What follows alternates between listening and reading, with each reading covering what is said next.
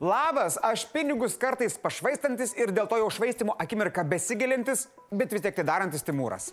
Šiandien turiu jums tiek žinių apie Rusijos bandymą pašokinėti ant savo protėvių kaulų, lietuvišką baną rusiškai šventijai, Ukrainos karo 75 dieną ir gegužės 9 šventę, kurią verta švesti. Šiandien Rusijoje ironijos diena. Nes šie naujieji nacijai švenčia pasaulio išvadavimo nuo nacijų dieną Dien Pabėdai. Komunistai ilgus metus aiškino, kad prieš 7-7 metus, gegužės 9 dieną, Sovietų sąjunga laimėjo prieš nacistinę Vokietiją. Todėl būtent šiandien apsikarsti koloratkėmis. Prisikabinę vos ant krūtinės telpančių kažin kokių ten tų ordinų, rašistai Maskvoje padarė paradą. Jame iš savo skilės Uralo kalnuose išlindo ir į savo klusnę patrankų mėsą pažiūrėti atklibinkščiavo lygotai išbrinkęs pats Vladimiras Putinas.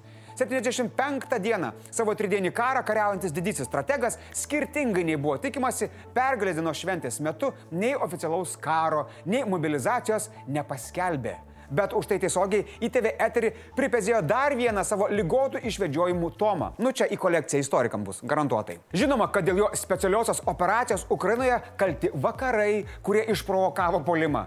Sveika vaidinantis Putinas sakė, kad prie Rusijos sienų buvo kuriama tiesioginė grėsmė.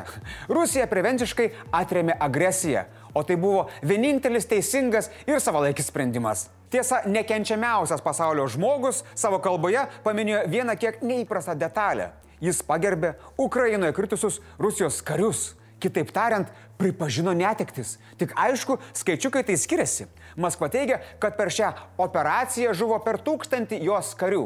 Ukraina savo ruoštų skelbia, kad Rusijos kariuomenės nuostoliai viršė 25 tūkstančius. Maskvos Raudonojo aikštėje vykusiame karinėme parade dalyvavo apie 11 tūkstančių karių, buvo eksponuojami tankai ir kita karinė technika, dėja lėktuvų nebuvo. Aštuoni naikintuvai danguje turėjo suformuoti raidę Z, kuri oficialiai Rusijos karinės operacijos Ukrainoje simbolis. Kremlius teisinasi, kad lėktuvai nepasirodė dėl oro sąlygų. Nors nei ten lyjo, nei ten vėjas beretės tas nuo makaulių ten plėšė. Na, manau, kad tiesiog nebuvo ką eksponuoti. Arba ukriniečiai nukalė, arba nukalnėje fronte. Va dabar va. Kariniai pergalės dienos paradai vyksta 28 Rusijos miestuose. Juose dalyvauja 65 tūkstančiai žmonių ir 2400 technikos vienetų. Ko tikrai neišvogė analogų pasaulyje neturinti rusiška korupcija, tai šito istoriją kalstojančio ilgamečio teatro. Visi šito karinio cirko artistai ramiai laukia kitų metų. Beje, įdomu tai, kad kiekvienais metais antrojo pasaulinio karo veteranų Rusijoje tik daugėja. Nacis tautybės neturi. Tai įrodinėja Lietuvos rusai nusprendę, kad genocido Ukrainoje metu yra normalu švęsti pergalės dieną su Kolorado juostelėmis, įžeidimais ir iš svetimos abecelės voktomis Z raidėmis. Šiemet vėl gegužės 9-ąją Lietuvoje žmonės ėjo prie paminklų sovietų kariams ir ten klojo gėlelės. Provokacijos, kurių buvo galima tikėtis, prasidėjo dar vakar vakare. Aukštųjų šančių kapinėse Kaune ant medžių buvo nupieštos Z ir V raidės, tapusios rusų okupantų Ukrainoje simboliu. O ant vieno medžio kapinėse atsirado užrašas rusų kalba už Donbasą. Draudžiamus ženklus pradėjus valyti, kapinių prižiūrėtai susidūrė su problema. Plaunami simboliai niekaip nenusivalė, kaip ir rusų nusikaltimai Ukrainoje. Į kapus atėjęs vienas vyriškis dėvėjo Georgijaus juostelę. Jis sakė, nežinojęs, kad šis simbolis Lietuvoje uždraustas. Tai sužinojęs, tarp rusiško ir normalaus pasaulio pasiklydęs nesusipratėlis, juostelę nedelsiant išsisegė. Vajam. Netruko pareikavimų vienas ant kito. Georgijos sistelė draudžiama nuimkite. Nuimkit tu pats. Kam, kam tos gėlės jums pačiai?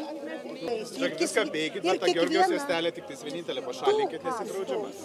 Aš jūsų nepažįstu, jūs mane du nesikreipkit. Nuimkit šitą ženklą, jis nelietuviškas. Šitą ženklą aš nufilmuosiu. Kas tai lietuviškas? Čia nelietuviškas ženklas. Kuris palaukam, kad čia. Šis vyrutis su užrašu Pakfutin Vilniaus mero Remigiaus Šimašaus patarėjas Karolis Žukauskas. Kapinice skambėjo senos sovietinės dainos. Žmonės dabinosi tėvų ir senelių uniformų detalėmis ar karne simbolika. Kiti dainavo rusiškas dainas. Vėliau situacija kiek labiau įkaito. Atsirado asmenų, kurie įsivėlė į apsižodžiavimus, priekaištavo žurnalistams, kad jie čia fiksuoja susirinkusius.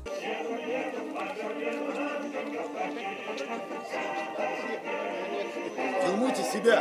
Prie kapinių atvyko ir aktyvistas komikas Olegas Šurajevas. Jis laikė Ukrainą palaikančius plakatus ir sakė, kad nekorektiška švęsti gegužės 9-ąją.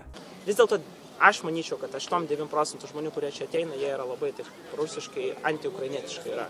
Um, nusiteikę ir jie yra ukrainofobai, mano nuomonė. Po vidurdienio Antakalnių kapinėse pasirodė ir prieštaringai vertinamas ir provokacijomis pagarsėjęs Laurinas Regelskis, kuris po konflikto su Olegu Šuraivu ir policijos pareigūnais buvo palydėtas iki policijos automobilio. Iš viso prie įvairių objektų dirba 170 policijos ekipažų, kurios sudaro apie 400 pareigūnų. Sustiprintos policijos paėgos pažadėjo segintiems uždraustas juostelės skirti baudas. Pabaigai toks smagesnis vaizdelis, kaip Olegas pasikalbėjo su kitu kapinių lankytoju. Herojams slava! O, čia aš suprantu. Na iš ties, slava Ukrainai. Kol dalis rašistų švenčia pergalės dieną, kita dalis toliau puola Ukrainą, nu ir ten sėkmingai miršta. O Ukraina narsiai laikosi jau 75 dienas. Gerai bent jau tai, kad nebuvo žadėto pergalės dienos parado Mariupolyje. Rusijos kontroliuojamame Ostamestyje esančioje Azovstal plieno gamykloje įsitvirtinusios ukniečių paėgos sekmadienį pareiškė, kad nepasiduos ir kovos tiek, kiek reikės. Ukraina vakar paskelbė, kad moteriams, vaikams ir pagyvenusiems civiliams gyventojams buvo leista pasitraukti iš gamyklos teritorijos. Humanitarinė evakuacijos misija koordinavo Junktinės tautos ir Raudonasis kryžius. Ukrainos prezidentas dėl Mariupolio perdavė nelabai malonę žinę. Pasak Zelenskio, šiuo metu karinėmis priemonėmis neįmanoma išvaduoti apgulto miesto, nes Ukraina neturi pakankamo kiekio sunkiosios ginkluotės. Taigi ten užspaustiems kariams neliko nieko kito kaip laikytis tai ir laikykitės narsuoliai. Tuo tarpu rusai ir toliau iš visų jėgų bando parodyti, kad tai jie yra tikrieji fašistai, dar tikresni už tuos nugalėtus per antrą pasaulinį. Netyla artilerijos pabūklai. Rašistai per dieną Luhansko sritį apšaudė net 24 kartus. Kyivė gaudė oro pavojaus sirenos, bet to į Odesą pataikė keturios didelio tikslumo raketos Onyx palecos iš Rusijos kontroliuojamo Krymo pusėsalio. Pagal šlikščiausias rusiškas tradicijas, terorusai Bilohorevkos gyvenvietėje Ukrainos rytuose apšaudė mokyklą ir veikiausiai ten žuvo 60 buvusių žmonių. Tačiau yra ir gerų žinių. Rusijos kariuomenė galimai smarkiai išeikvojo savo precizinio tikslumo ginklų atsargas ir dėl to dabar naudoja lengvai pasiekiamą, tačiau pasenusią ginkluotę, kuri yra mažiau patikima, mažiau tiksli ir lengviau perimama.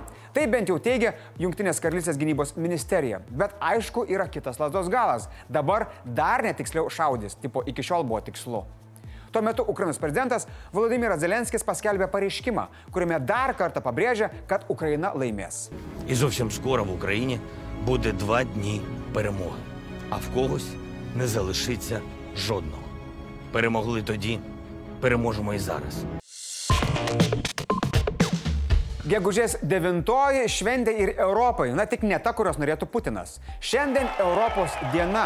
Istorinės Roberto Šumano deklaracijos apie naujos formos politinį bendradarbiavimą Europoje, dėl kurio karas tarp Europos tautų taptų neįsivaizduojamas metinės. Pirmiausiai turim gerai suprasti, kad Europa ir Europos Sąjunga, kurioje mes esam, tai yra laisvė. Prie progos atšventėm ir mūsų įstojimo pilnametystę, kuri buvo gegužės pirmoji.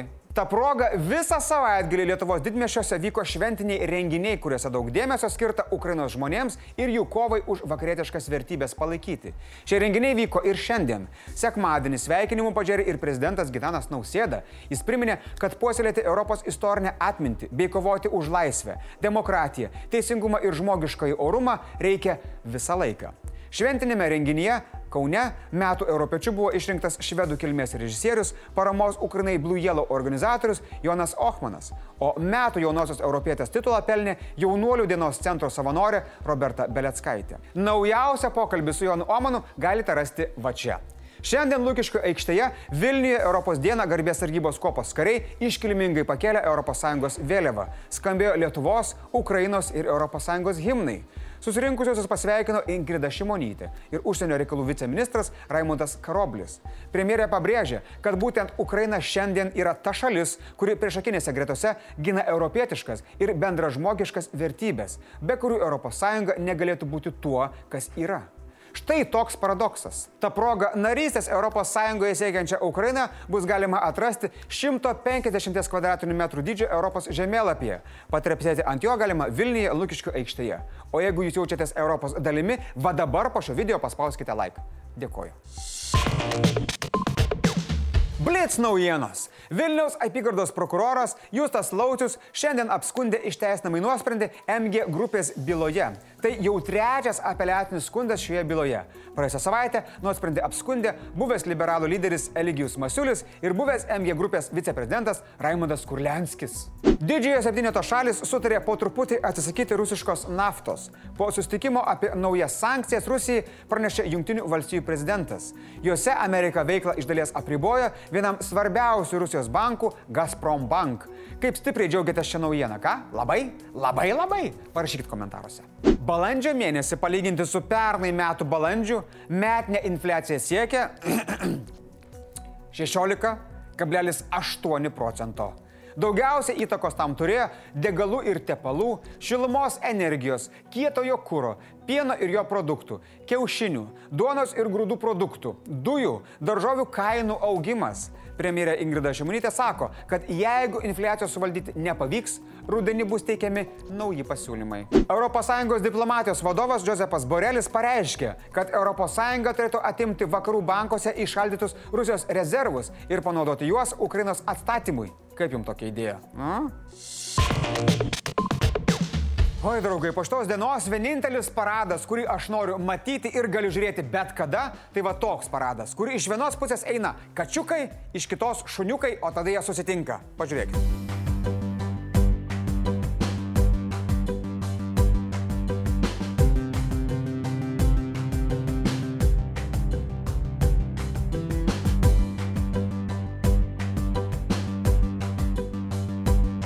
Šiandien tiek žinių, rytoj čia vėl būsiu aš. Iki.